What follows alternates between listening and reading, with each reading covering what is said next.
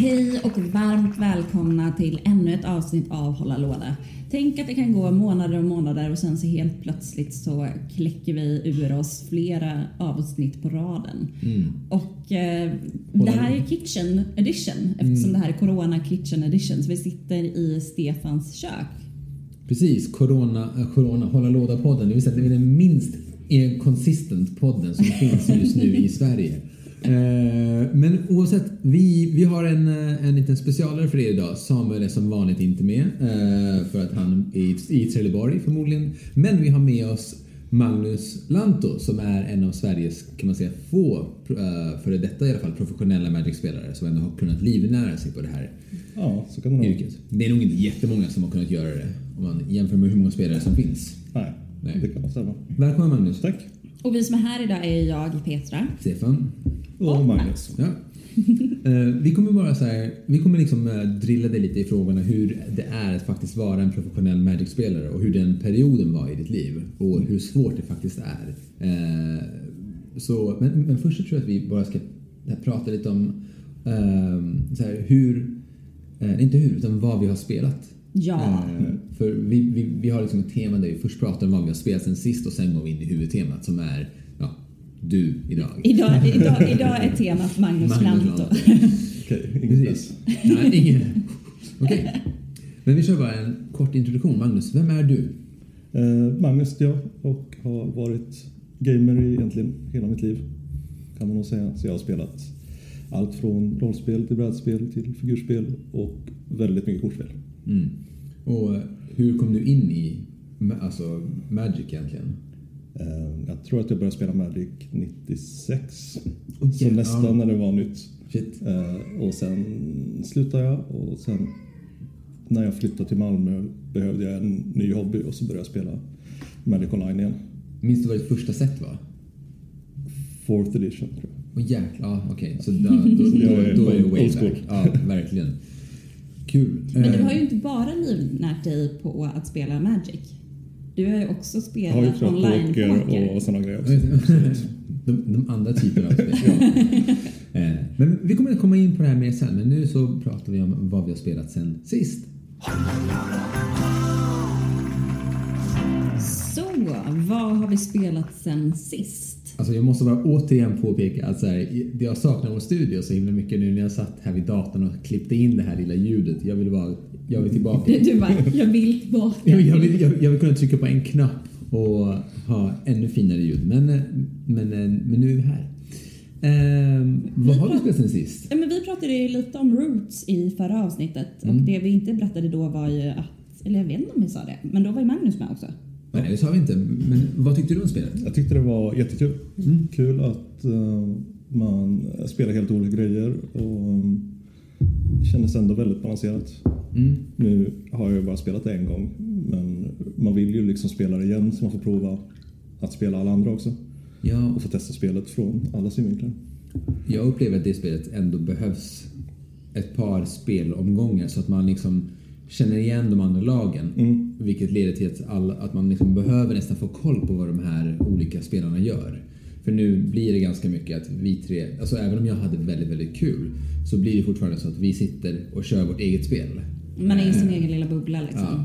Och sen helt plötsligt så var oj shit, nu vinner du Magnus. Ja. Eh, och då, då var vi tvungna att göra allt för att stoppa dig. Mm. Men det, är där, jag, det jag gillar med sådana spel är att eh, jag vet inte, det, känslan av att, så här, att ha lärt sig någonting blir, liksom, ger faktiskt någon liksom, output. För då blir ju spelet bättre senare också. Mm. Ehm, Och man kan spela dem det flera gånger och ändå ha kul. mm, precis. Men jag tänkte kolla med, har du spelat någonting mer? Ja, jag Petra spelade spel igår också faktiskt. Ja. Eh, vad hette det spelet? Vi spelade Wingspan. Eh, på, vad heter den, vi drog ihop, eh, en kollega till oss var så här. Jag kan ju inte umgås med någon annan än de som vi spelar med. Och du kan ställa dig på den så kommer det inte låta. Mm. Mycket smart Petra. Ehm, eh, och eh, så vi drog ihop ett gäng från jobbet som vi ändå, vi liksom är ju några av dem som faktiskt fortfarande jobb, inte jobbar hemifrån hela tiden. Så vi drog ihop ett gäng från jobbet och eh, jag bunkrade upp med lite olika spel. Jag hade liksom så här Wingspan med mig och hade liksom preppat lite för det innan. Och, eh, men var så här, undrar om det här kommer vara lite för tungt för att jag inte visste vilka som skulle vara med. Eh, men det gick jättebra. Och tutorialgrejen du mm. hatade det när jag tog fram det. Ja. Wingspan? ja, tutorial. För tutorial på Wingspan. Tyckte det var lite jobbigt att inte få välja själv vad jag skulle göra där. Aha, Undrade, okay. lär man sig egentligen någonting när det inte står varför man ska göra någonting utan bara gör så här. Just det. Men eh, det funkade väldigt bra faktiskt. För när man kollade vad de andra gjorde också då förstod man lite skillnaden vad olika actions eh, gjorde för någonting. Så jag Just tror det. att det var lite nyckeln att alla hade olika tutorials så man kunde ändå se, se alla actions hända. Liksom.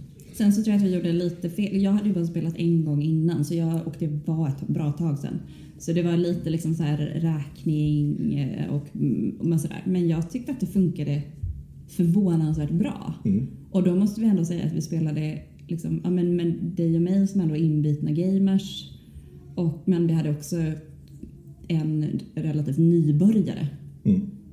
Uh, och det var ganska jämnt ändå. Ja. Ja, men det var väl alltså från vi var ju sex pers totalt, men jag spelade tillsammans med en annan kollega. Eh, så det var fem spelare. Och vi, jag tror att liksom så här poäng... Du hade 200, alltså ja, det, var, det kanske var 30 poäng emellan den som var längst ner och den som ja. var högst upp. Och då gjorde vi ändå lite fel så att alla fick lite för mycket poäng. Ja, precis. Um, så det ja, jag kan verkligen rekommendera det och vi har ju vurmat för det här spelet i den här podden. Ja, alltså som sagt, uh, Stonemaier är ju ett företag som uh, är faktiskt det enda företaget som jag faktiskt samlar på. Så jag vill ha alla spel som har släppts därifrån. Och hon, uh, det är kul för den här Wingspan är designat av vet hon, Elizabeth Hargrave tror jag att hon heter. Mm. och jag hoppas att hon kommer få designa någonting mer inom Stonemaier. Eh, vi har ju också ett nytt spel som heter Pendulum. Just det. Som, är där i, som ligger just nu i hörnet. Eh, I, vän, i väntan på att få plackas ja. upp. Och jag tror att det som skiljer Pendulum från många andra spel är att det är eh, ett realtidsstrategispel. För det bygger på så här, så här, typ tidsresande. Så det är tre stycken time, här, tid, tim, timglas som Men den pratade vi om i ja. Så man måste spela snabbt och tänka så, snabbt. Så, så, du måste hinna tänka snabbt. Så det går på tid. Ja. Uh, så det också, vilket leder till att du kan inte sitta och liksom slöa så mycket. Jag tror att det, det, att det där är typ en respons på så här slow play, alltså ja. gaming som har massa slow player. Det är så, nej, men om du är en slow player så kommer du bli straffad.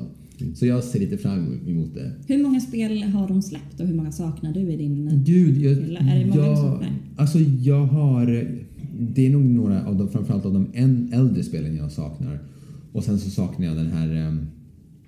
Um, gud, nu minns jag inte ens vad den heter. Uh, typ Between Two Castles of Mad King Ludwig, tror jag att den heter. uh, men, uh, men, men jag har Scythe plus expansionerna som är ett fantastiskt... Det, det, var liksom det var där din... jag började samla på Stonemaier. Det är bland de bästa spelen jag har spelat. Uh, jag, jag, har Tapestry Wingspan, um, Charterstone som är ett legacy-spel och nu Pendulum. Mm. Men har du spelat någonting sen sist? Mm. Det var det ett tag sedan. Uh, tänkte jag säga. Det var, det, var, det, var, nu var det flera dagar sedan. Uh, nej, men det jag har gjort är... Jag har testat um, Spirit Island, det här som vi skulle ha spelat på den här, den här kvällen mm. på middagen. Det andra spelet som jag okay. prom, äh, ja, propsade på att vi inte skulle spela för att jag inte hade lärt mig reglerna. Det är ju ett fantastiskt spel. Det är nog, det är så fint, jag kan beskriva det. Det är som Settlers of Catan, mm. fast tvärtom. Kul. Nej, fast, fast totalt tvärtom. Du, alla liksom eh, kolonialister, koloni, kolonister, kolonister. Koloni, Kolona, kol, kolonatörer. Kol jag tror att man är, att man är kolonist. Kolonisatör. Ja. Om du i Settlers spelar en kolonialist, en kolonialist så spelar du själva ön och alla dess andar som ska liksom stoppa de, ja. de, dem. eh, och det är fruktansvärt kul. Det är också sam samarbetsspel och funkar väldigt bra om man då är ett gäng nybörjare för då blir det inte lika oförlåtande om man är än om man är ovan vid brädspel. Jag tycker det är rätt kul med samlingsspel faktiskt. För att om man inte verkligen är alla är lika tävlingsriktade mm. så är det nästan roligast för samlingsspel. Jag håller fullständigt med. Sen älskar jag att tävla i spel så att om man har ett gäng där alla alla kan spelet, alla är, är med på att nu ska vi alla försöka vinna. Det är skitkul. Men det är ganska sällan man, man är i ett sånt gäng. Utan oftast är det någon som kan det lite bättre eller någon som är lite mer casual. Och då tycker jag nästan samarbetsspel blir bäst. Mm, jag är beredd att hålla med. Jag vill göra en liten flashback till förra avsnittet där vi var snillen spekulera angående pandemi och epidemi. Ja, har du kollat upp det? Ja, och vi var helt rätt ute. Att vad heter det, en epidemi är ett utbrott av något, vanligtvis en infektionssjukdom. Men en epidemi som sprids över stora delar av världen kallas för en Pandemi. yes. Yes. Så vi var helt, helt eh, rätt ute, så att säga. Snillen spekulerar. Herregud. Ehm, men jag tänker också, Magnus, ehm, du har ju också spelat ett annat spel väldigt mycket, uh, Gloomhaven, ap- apropå samarbetsspel. eh, Precis. som också Spelar jag varit en, varje vecka sedan nästan sen det släpptes. ett, ett och ett halvt år Ja. tillbaka tror jag. Det är ju också ett fruktansvärt bra spel, Ja. skulle jag säga. Eh, Men för det finns ju några element och så här, för jag jag vet att vi har pratat om att när man har spelat det så pass mycket så har man liksom så här knäckt spelet. Mm. Och så känner man sig mer eller mindre färdig och så spelar man bara färdigt de sista uppdragen. Lite så är det ju. Mm. Jag tror att vi vi har nog ändå lagt in lite tävlingselementet där så vi har ju kört ganska mycket så jag ska inte säga infighting men att man ändå går rätt hårt på att hitta kanske kistor och guld och annat sådana upgrades som man kan få i spelet. Just det. Så att man ibland kanske så lurar de andra medspelarna att om ni går och dödar de där monstren så hjälper jag till och så springer man och tar dem pengar istället. Sjukt rövigt. Så att vi har liksom någonstans kommit överens om att det är kul att spela så. Eh, Och då får man lite ändå utmaning i att få det så bra som möjligt. Men hur långt har ni kommit? Eller vilka delar vi har har ju ni spelat spelat? igenom hela Gloomhaven nu och expansionen. Eh, Så att vi är ju egentligen klara. Men det har kommit en nybörjar Gloomhaven nyligen kan man väl säga. Som är lite så intro till att börja spela Gloomhaven men ändå verkar vara ett riktigt bra spel. Så till och med vi som har spelat allting tycker det är kul och vi har med oss en ny spelare som inte spelat förut. Eh, Så det är ju väldigt tips. Precis, det heter Och det Jaws heller- of the Lion. Precis. Och den största skillnaden är att man, alla de här stora legacy-elementen, Mm. så som att, eh, att du får nya karaktärer om din, när din karaktär dör eller avslutar slutar sitt uppdrag eller, eller att staden har ett eget liv. De elementen De är klart nedtonade. är nedtonade. Så det finns nog bara fyra karaktärer genom hela Jaws of the Mm, det är ju det som är lite trist. Ja. Men det som är bra är att dels är det inte så dyrt. Kostar det 500 spänn Ja? Knappt 500. Eh, kan från hitta typ Gloomhaven 400. som är är- riktigt dyrt. Ja, Och sen går det ganska snabbt att sätta upp. Eh, Om man inte har jättebra organisation och inte spelar så jättemycket så Mm. kan man ändå få igång ett parti på Och, det kan ju 10 säga, minuter istället för Mm. 25. och just det spelet är ju verkligen ett starkt tips i dessa pandemitider. Så om ni har liksom är de som ni väljer att umgås med eftersom ni inte ska umgås med i så stora eh, massor. Så att, så här, få, att bara kunna välja det spelet att återkomma så som du har gjort det senaste Mm. ett och ett halvt året. Du hade ju förberett innan pandemin. Eh, så den är ju det jättebra på det viset. Jag är skitpepp på just den delen. Men vi kanske borde spela Jaws of the Lion Ja, men det tillsammans. kanske det vi borde göra. Det hade varit jätteroligt. När kommer Frosthaven? Det är nog ett och ett halvt år kvar. Det skulle Det- nog kommit typ nästa sommar men nu kommer ju allt bli försenat Ja. i pandemi också. Så Ah, okej. jag tror man ska bli glad om det kommer nästa år. Ja. Ja, jag, jag räknar med näst, nästa sommar eller vår. Om, Och Frosthaven är ju, för er som inte vet, inte, inte en fortsättning på Gloomhaven men det är ju samma spelutvecklare och för det är väl inte samma karaktärer och liknande? Nej, fast det är ju Gloomhaven nytt. 2. Liksom. Ja, precis. Det kommer väl inte vara exakt samma regler men mycket lika. alltså jag skulle säga Grundmekanikerna att tror jag blir 80, samma. 80 procent är väl samma regler Precis. och sen är väl 20 procent nyheter. Ja. Det som är lite roligt med Frosthaven är att de har nästan byggt in ett, ett, ett ministrategispel i Gloomhaven där du också ska så här, samla resurser på dina uppdrag och sen ta, tillbaka dem hem och bygga upp din stad. Och liksom rusta upp för vintern. Men visst är det så att man behöver inte ha sp- spelat Gloomhaven för att kunna spela Fro- Frosthaven? Nej, Nej, det tror jag inte. inte Nej. alls. Ehm, Men om man vill förbereda sig för Frosthaven så köp den här Gloomhaven för nybörjare Ja, som men där ska man säga, när vi pratade om tutorial innan så har de en väldigt bra tutorial i det. I Väldigt smart. För Gloomhaven, det är ju ganska svårt att komma in i från början. Man måste nästan kolla på lite videor där folk spelar. Och, för det är mycket regler. Men i det här så spelar man fem missions tror jag. Där man börjar med bara några regler och sen kommer det fler regler Ja. för varje mission. Det så det första är liksom superenkelt och ganska trist. Men man fattar i alla fall hur man spelar sina kort. Och sen får man fler kort och monstren gör fler grejer. Och man får items och så får man lite portionerat ut. Liksom. Mm. Alltså jag uppskattar så himla mycket att brädspelsvärlden har börjat anamma oss som tycker att det är skitjobbigt att lära sig genom att läsa en regelbok. Att, alltså, jag, jag är ju en sån person som verkligen lär mig genom att göra och gör misstag. Eh, och att då kunna få spela en tutorial är ju, alltså, det är ju det bästa tycker jag. Och sen kommer man ju ändå behöva gå tillbaka till regelboken eller typ kolla på en så how to play video. Men att det bara finns någon så här, så här stödhjulsomgång på typ Mm. två för att lära sig. Det är jag så lätt skönt. när man läser andra som har spelat Gloomhaven och spelar det helt fel. Och Ja. det, även om man kan börja om så kan jag förstå om många tappar sugen om man spelar det helt fel och bara förlorar hela tiden. Eller det blir alldeles för lätt. Eller, Mm. Jag kan tipsa apropå en annan sak. Det finns en, eh, en YouTube-sida eh, som handlar om brädspel som heter, som heter Sit Down and Shut Up.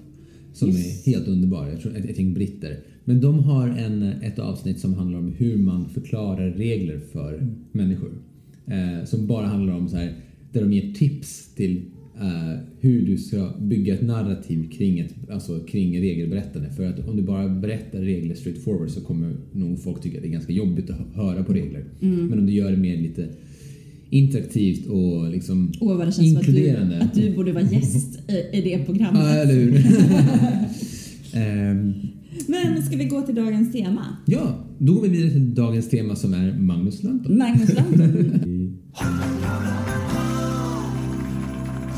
Som sagt, dagens tema Magnus Lanto eller, eh, eller också nu har vi äntligen en gäst som har spelat professionell Magic. Jag måste bara säga, det var en gång i tiden där vi hörde barngråt konstant i vår podd. När jag och Samuel hade små barn och vi satt i köket och, och poddade och då hörde man de här barnen. Och sen så har ni sluppit det här. Men nu, Nu. nu är vi tillbaka här igen. Men tillbaka till sak. Magnus, eh, kan du inte berätta, hur gick det till? Varför, alltså hur startade du med allt det här? Liksom, att börja tävla i Magic? ja, det, jag höll på väldigt mycket med det eh, för nästan 20 år sedan. Början på 2000-talet så eh, när jag pluggade på högskolan då eh, åkte vi runt i hela Sverige och försökte kvala till, till Pro Touren och någon gång ibland så hade man kanske råd att åka utomlands och spela men det blev rätt dyrt. Och då lyckades jag ta mig till en Pro Tour tror jag. Och så gick det inte speciellt bra och sen la jag ner den, den drömmen även om jag hade vänner som lyckades lite bättre. Eh, men sen när jag som sagt blev lite sugen på att börja spela Magic igen och eh, behövde en hobby så gjorde jag det mer i vuxen ålder kan man väl säga. När man liksom hade men lite mer möjlighet att åka utomlands på, på Grand Prix som det heter. Eh, för, kanske mest för att träffa folk. Eh, Och någonstans här upptäckte jag att fan, jag är fortfarande ganska bra på det här spelet. Och jag är ju kanske en sån person som gillar att hänge mig till en sak väldigt mycket. Så när jag väl börjar spela så börjar jag spela väldigt mycket. Och eh, eh, hade lite flyt en period när jag faktiskt lyckades vinna både en Grand Prix och kvala till Magic Online-VM kan man säga. Just det. Inom bara några, någon månads Oj, så det är liksom, det bara verkligen så här stegrade sig Ja, snabbt. så att det var ju liksom inte någonting jag var beredd på. Eh, Jag hade ju aldrig kommit topp 8 i GP innan och sen vann jag en GP precis i samband med att jag också kvalade till, Ja. till Magic Online-grejen. Ja, det är ju helt galet faktiskt. Ja. Men, för, men hur snabbt gick det för communityt att få upp ögonen för dig? För jag tänker så här, jag frågade dig förut, eh, vi har ju pratat lite om det här tidigare, Mm. om så här, ja, men är det samma människor som dyker upp där? Ja, det att du var så verkligen. Eh, Jag började ju spela lite med gamla an, annat folk som man kände sen förr som också hade börjat lite grann igen eller fanns kvar. Eh, Bland annat en av Sveriges två, eller om han är ensam Hall of Famer eh, i Magic, Olle. Olle. Så att honom känner jag ju sen, sen förr. Och han, är det the Swedish Viking? The Ja, littlest precis. Viking. The littlest Viking? Och när det kom till den Magic Online-VM så lyckades han kvala till samma. Så vi två var ju två av 16 spelare. Gud vad kul. Ja. Och han är också så, så gammal vän sen förr och hade också slutat och börjat igen. Så då kunde vi liksom träna lite på den tillsammans. Och då blev det ju mer att man sökte sig till andra från, från den, den eran. Att säga. Och, vilken, och när var det här? Jag tror att det var 2016 eller 2015. Det är ändå rätt nära i tid. Liksom. Ja, så att det var, jag slutade ju spela i flera år, började spela lite grann och sen som sagt i mer vuxen ålder kom igång med det. Och för, bara så här för att förklara för er som inte vet. Alltså en Grand Prix, det är, liksom en, det är egentligen inget event som man kvalar för utan du åker till en plats där upp till, oftast brukar det vara mellan 2 till 4 tusen beroende på vart man är. Tusen kanske. Ja, tusen, men, men- eh, mycket folk och Ja. vem som helst får spela. Och jag vet, men jag vet att någon gång det var någon sån jä- jättestor i Las Vegas där det var typ 3,5 4 tusen. Så beroende på vart man är i världen kan det vara väldigt mycket folk. Men ehm, Och om man ska komma in på hur jag egentligen blev proffs, för det har jag ju kanske inte sagt, så var det ju just eh, att jag sen vann det American Online VM och då helt plötsligt var jag kvalad till alla Pro Tours nästa ett och ett halvt år nästan. Och det är ju där eh, Pro Touren måste man kvala till. Och det är ju jättesvårt att kvala till en Pro Tour. Men om man lyckas gå bra någonstans så får man en massa poäng som man kan samla på sig. Man lär känna nytt folk som man kan spela med. Eh, man vågar kanske satsa lite mer. Och då är plötsligt så kan det rulla på så att man, man kvalar till en och sen kvalar man till nästa och sen man kvalar till nästa och kan liksom satsa på det. Eh, Men om man tittar på det, för, eh, om, för jag har, har dålig koll på just spelupplägget. Alltså när jag menar alltså det som vi var inne på. Eh, vilk, på vil- vilka typer av tävlingar finns det? Och vad är det, vilka kval... Grand Prix är, kan vem som helst komma dit och spela. Och sen så kom, finns det, vad är nästa level? alltså, det, här, det, det här har ju också ändrats. Det är det, är det här som är Ja, viktigt att jag vet ju inte riktigt hur det ser ut nu. Nej. Det har ju gått över till att vara väldigt mycket mer online Precis. med Arena. Eh, Men som det såg ut när jag spelade så fanns det egentligen två internationella circuits, eller man ska säga, som Wizards höll i. Och det ena var Profstoren och där får man bara spela om man kvalar. Och det var fyra per år tror jag. Och ungefär 300-400 spelare. Och Ja, från, finns från det- hela världen. Från hela världen. Ja. Och sen finns det Grand Prix och de eh, får vem som helst spela i och de finns över, och finns över hela världen men det blir ju mycket att i Europa åker europeer och i USA åker amerikaner, Mm. i Japan åker japaner. Även om jag har åkt runt på många Ja. sådana också runt om i världen. Eh, och sen eh, under det så blir det lokalt istället så det finns eh, qualifiers då, PTQ, Pro Tour Mm. Qualifier och de finns ju kanske en i Malmö kan ha funnits så det kunde finnas en Mm. i Stockholm och Okej. och då vinner man att få spela de här. Och sen finns det också lite sådana superexklusiva turneringar som VM. Just det.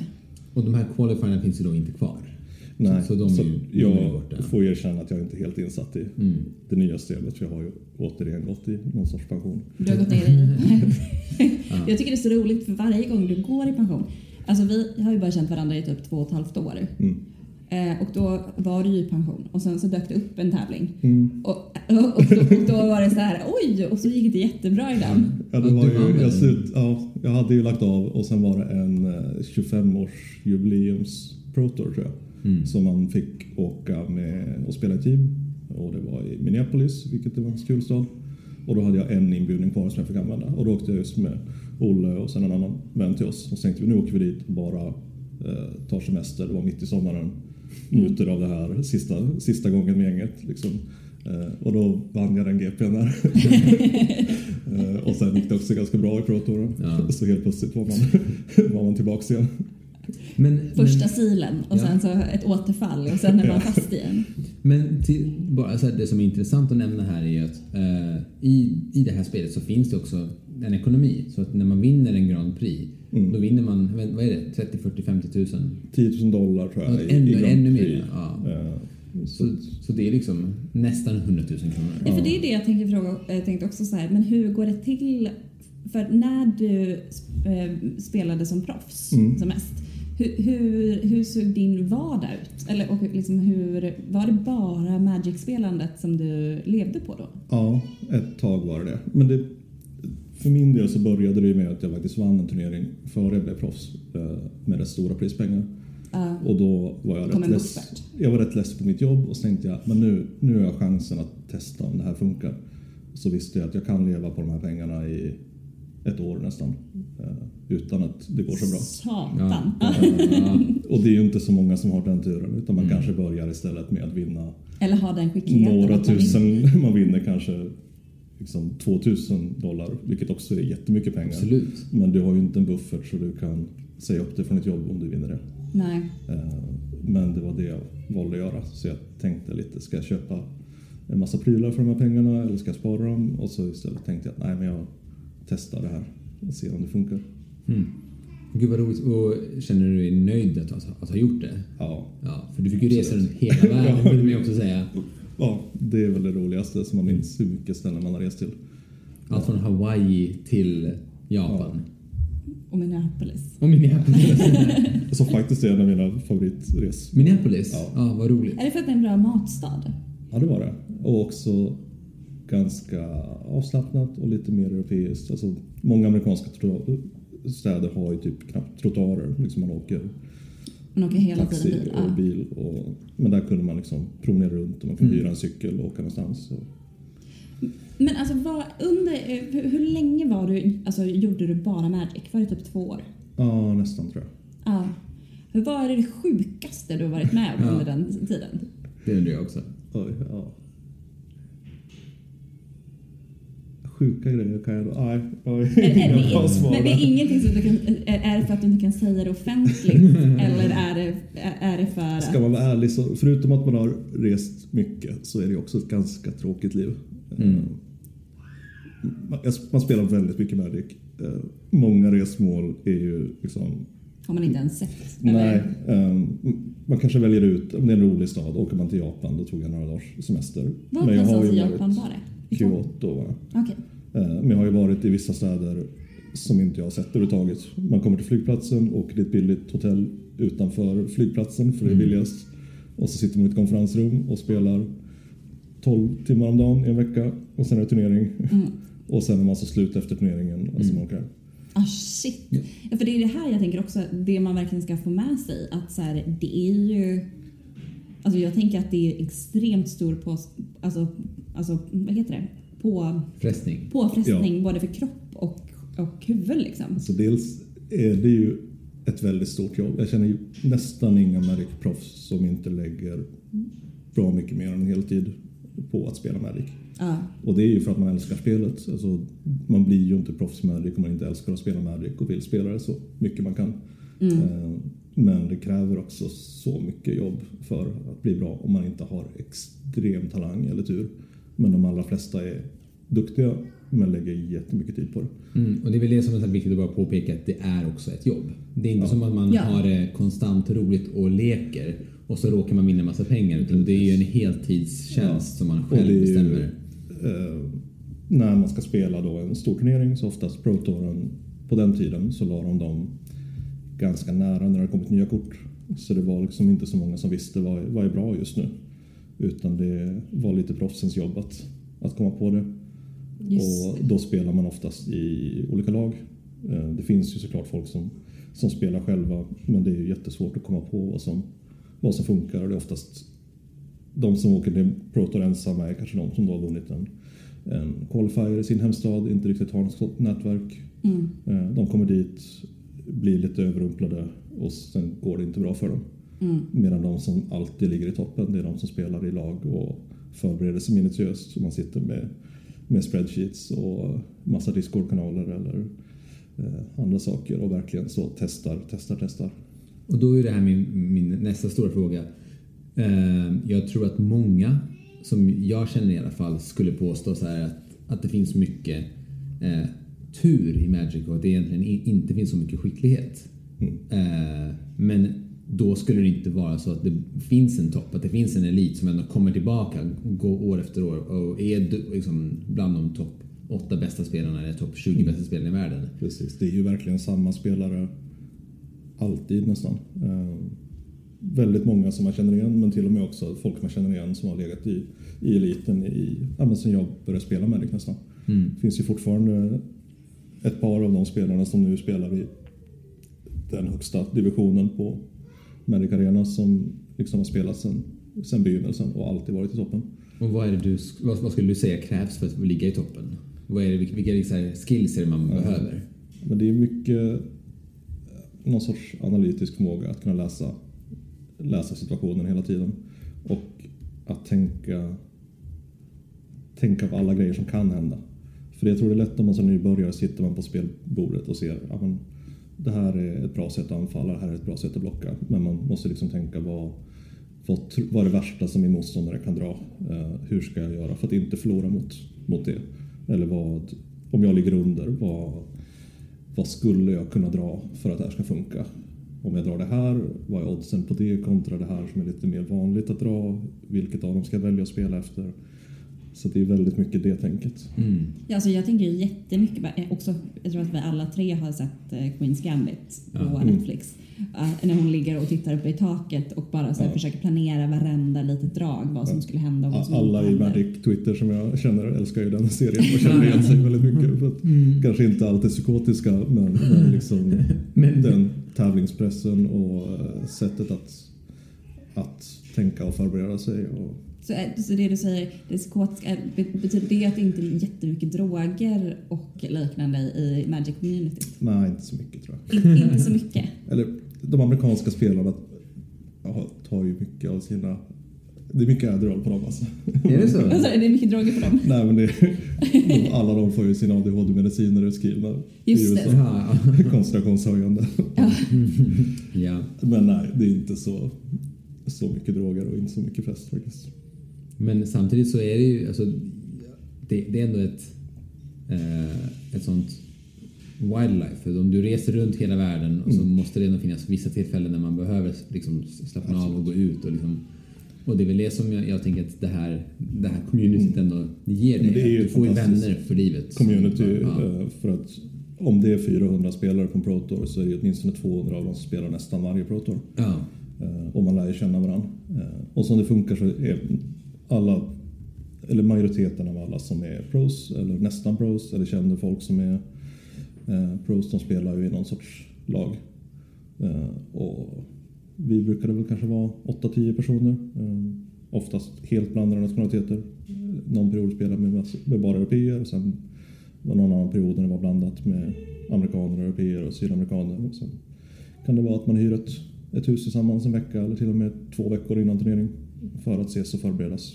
Ja, för det var det jag tänkte fråga också. Så här, vad, men hur ser liksom träningslägret upp till tävlingen ut? Ja, men det är mycket just för att man inte vet vad är bästa leken eller vad är en etablerad lek. Eh, och det skiljer sig lite nu måste jag säga för att ju mer folk spelar online desto snabbare går det innan folk fattar vad som är bäst. Mm. Bara för de tre, fyra år sedan jag spelade som mest så var inte online-spelet lika etablerat. Innan American Arena kom så spelade folk online men, men mycket mer att man satt och spelade papperstestning. Men på den tiden i alla fall så handlade det mycket om att komma på vad är, vad är den bästa leken. Man bygger mängder lekar, alla har med sig alla kort de kan och man har skrivit ut massa bilder över kort så att man inte behöver köpa allt innan. Och sen testar man liksom alla kombinationer man kan och så låter man dem möta varandra och sen bygger man om dem och så testar man. Så. Men då undrar jag också så här, om det är det man gör då inför, alltså om vi säger nu att ni kanske sitter i det här Airbnb-huset i Mm. två veckor innan. Hur gör man sen då för att få tag på de här korten? Alltså när Ja, man vet vad de här alltid vill lätt, man men- ha. För det är ju, Ja. det, tidsperioden är ju rätt begränsad att få Mm. tag på de rätta korten. Det beror lite på. Ibland kanske man har en känsla av vilka som är nyckelkorten. Ehm, Och jag skulle nog säga att de som spelar Magic så mycket och turnerar så mycket, de kanske inte äger så mycket kort själva. För det blir rätt dyrt. Utan det handlar mer om att försöka låna av, av andra och det är många som gärna ställer upp på det. Ibland kanske man ger någon liten bonus när man kommer hem och vunnit pengar. Ibland är det bara för att det är en bra kompis. Mm. Eh, Men sen är det också, dels finns det butiker på, på turneringarna. Men då måste man köpa korten och de brukar vara rätt dyra. Och då är det singelkort liksom. Ja. Ja. Och sen kan det också vara någon gång när man liksom har kommit på att den här leken är jättebra. Alla vi tio i laget ska spela den. Då får man ju leta runt efter någon onlinebutik och lägga en jätteorder och hoppas att de kan leverera till hotellet. Just det. Men det är Har det inte hänt? alltid... Ja, Att ni alla kände att det här är en... Vi, ja vi, har det hänt flera dig- gånger har alla spelat samma lek, absolut. Nej, men har det hänt någon gång att, att ni som team har varit så här, shit, vi har hittat det och ingen annan har hittat det? Ehm, ja, måste tänka. Någon gång har jag nog varit där. Men det är ju fantastiskt när man är där. Ja. Gud, det, det var en ledande fråga för Ja. jag vet att du har varit på en, en GP när ni körde en... Ja, just det. Eh, om var Det stämmer, ja. Absan-lek? Ja, den kommer jag inte ens ihåg. Kul att du gjorde. Ja. Och vi spelade- det var inte vi som uppfann leken, eh, ska sägas. Det var Nej, men den var inte så några japaner populär. tror jag. Men den var inte så populär. Det var Absan Rally. Mm. En kombolek i, i standen, vilket var rätt ovanligt. Och vi var fyra stycken som spelade den av en GP med to- 1200 personer kanske. Och efter 14 rundor så slutade vi, tror jag, etta, tvåa, fyra, tia eller något sånt. Ja, det är helt galet. Ja, det var, Och det, det, då, då var man rätt stolt liksom. Ja, men det är det jag tänker så här, då sitter man en- ändå väl i en känsla som är så här, okej, vi, vi kränkte det. Och det är så här, om ni var 1, 2, 4, 10, då, då tänker jag att de förlusterna snarare handlar om så här, okej, då mötte jag en lek som kanske, alltså, här, statistiskt lite otur, det gick inte exakt som vi tänkte, men då har man ändå liksom knäckt den Och där var ju mycket, det var kanske inte att den var okänd heller utan där var ju kunskapsövertag. Att vi hade testat, det fanns en lek som var absolut mest vanlig. Och vi alla utgick från att den leken krossade vår lek. Men vi hade testat och spelat och lärt oss hur man spelade och insåg att nej men tvärtom, vi krossade den leken. Så alla kom dit och trodde att de skulle vinna varje match och förlorade hela tiden. Åh, gud vilken Och då, uppercut. då kommer man ju såklart in i det här då är det inte så mycket tur utan då, då handlar det om att man har förberett sig och, och vet någonting som inte alla andra vet. Och hur slutade hela den turneringen? Den slutar inte så lyckligt för min Nej. del. för jag råkade göra ett eh, lite tekniskt misstag. Jag eh, la ett kort åt sidan av, av misstag så hamnade ute för min lek. Ja. Och då, eh, det får man inte göra mellan rundorna så jag presenterade olaglig lek och blev, blev diskad. Ja. Men alltså, vad heter den? Jag undrar också, något, jag har ju aldrig spelat eh, tävling egentligen. Alltså jag har varit med på pre-releaser och sånt där. När man som proffs, råkar man någonsin ut att vara typ manatorsk? Det är klart. Alltså, Eller är det det så är ju att- fortfarande tur För- och otur. Det är ju Ja, vad skönt att höra det. såklart. Det är, jag kan tänka mig att man kanske är lite bättre på undvikare för att man vet när man ska dra en ny starthand kanske. Just lite det. mer. Och man bygger lekar som är lite bättre på att undvika det. Mm. Men det är, ju- man ska ju inte gå under med att det är ett variansspel fortfarande. Över tid, över tid så kommer de bästa spelarna vinna. Men när man åker in i en enskild turnering kan det ju gå katastrofalt dåligt. Just det. Men när ni då, alltså i, i det som ett lag, hur Mm. många brukar ni vara i ett lag? Och har ni matchande träningsoveraller? Vissa har ju det, Ja. många har ju det. Det var ju lite, man, man, man har ju sponsor ibland. Jag har varit Ja. sponsrad till och från och då har man ju kläder. Vad, vad har du varit sponsrad från? Eh, Jag var framförallt från ett Hongkong-baserad eh, kortförsäljare. Liksom. Hongkong-baserat? Ja. Gud vad roligt. Det är mest för att jag, ja, men jag lärde känna någon av deras spelare på någon turnering. Och sen Mm. började de sponsra lite europeiska spelare också och frågade. Och vad fick du då? Inte jättemycket, några, någon tusenlapp eller två per turnering. Liksom. Okej, så det var ingenting Nej. fenomenalt, men det var... Nej, det var lite extra pengar. Liksom. Ja. Men och jag undrar också eh, nu eh, när du är pensionär. Hur, hur ser eh, en pensionerad, eh, passionerad, En passionerad en passionerad pensionär. och pensionär eh, Magic-proffs ut? Alltså hur stor del tar Magic upp i ditt liv de här när, senaste åren när du faktiskt inte har spelat som proffs? Nu har du ju för sig haft några återfall. Eh, men Ja, men det var, alltså jag spelade min sista Pro Tour förra sommaren. mm, och det var väl också ett av de här återfallen. Alltså, jag valde ut en Pro Tour som var i... För man, ganska ofta om man har gått tillräckligt bra så har man liksom några kval man får välja. Man kanske kvalar till en turnering nästa år. mm. Och då passade jag på att välja en, en till sommarturnering i Barcelona. Ja. Och gjorde en semester av det. Men det var den sista Pro Tour jag spelade. Eh, och efter dess så kände jag väl nästan så här, då har jag tävlat i det så länge att det var inte så kul att spela som casual riktigt. Så jag spelade nästan inte någon Magic alls på ett år tror jag. Ett och ett halvt år. Mm. För att varje gång jag försökte kändes det lite så, men det, det är inte riktigt som det brukade vara. Mm. Men nu har jag faktiskt börjat igen för kanske ett halvår sedan. Lite, På lite Magic smått. Arena. Magic Arena och spelat någon live-turnering liksom. Det Så- kan jag Eh, det, men, men har det också att göra med att, den har, att spelet har ändrats för så, här, så pass mycket? För det är ju något annat, alltså jag tycker i alla fall, som en, också spelade en, en hel del, att spelet har blivit, i och med Magic Arena, väldigt många fler spelare. Det är ju fler spelare nu än vad det någonsin har varit i Magic.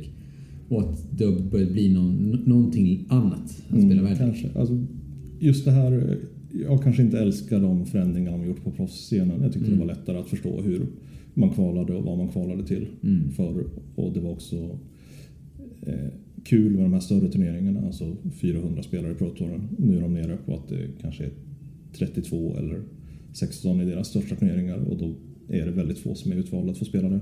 Mm. Eh, Men jag tror mest var att jag blev lite less, kanske inte på Magic, men att det var lite svårt att spela det inte kompetitivt. Just det. Att det var kanske inte så kul att gå till den lokala butiken och spela, men jag kände att eh, Jag kommer spöa skiten alla Ja, här. eller jag kanske tar det här för seriöst. Jag vet Ja. inte. Jag behövde lite tid ifrån, men nu tycker jag det är Mm. kul igen.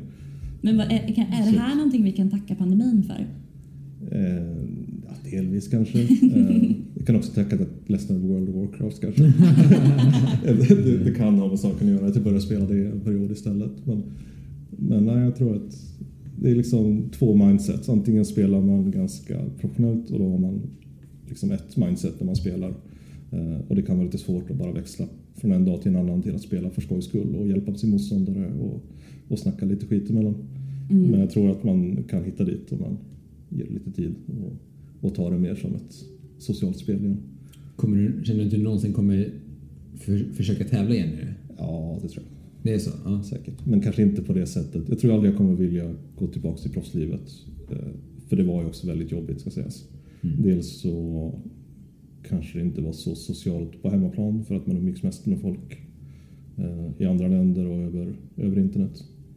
Eh, Och sen är det första året resan var skitkul men sen Mm. när man börjar hamna i att resa utomlands till olika skitstäder i USA liksom en gång i månaden, två gånger i månaden till slut. Ja, för det var ändå så pass mycket liksom.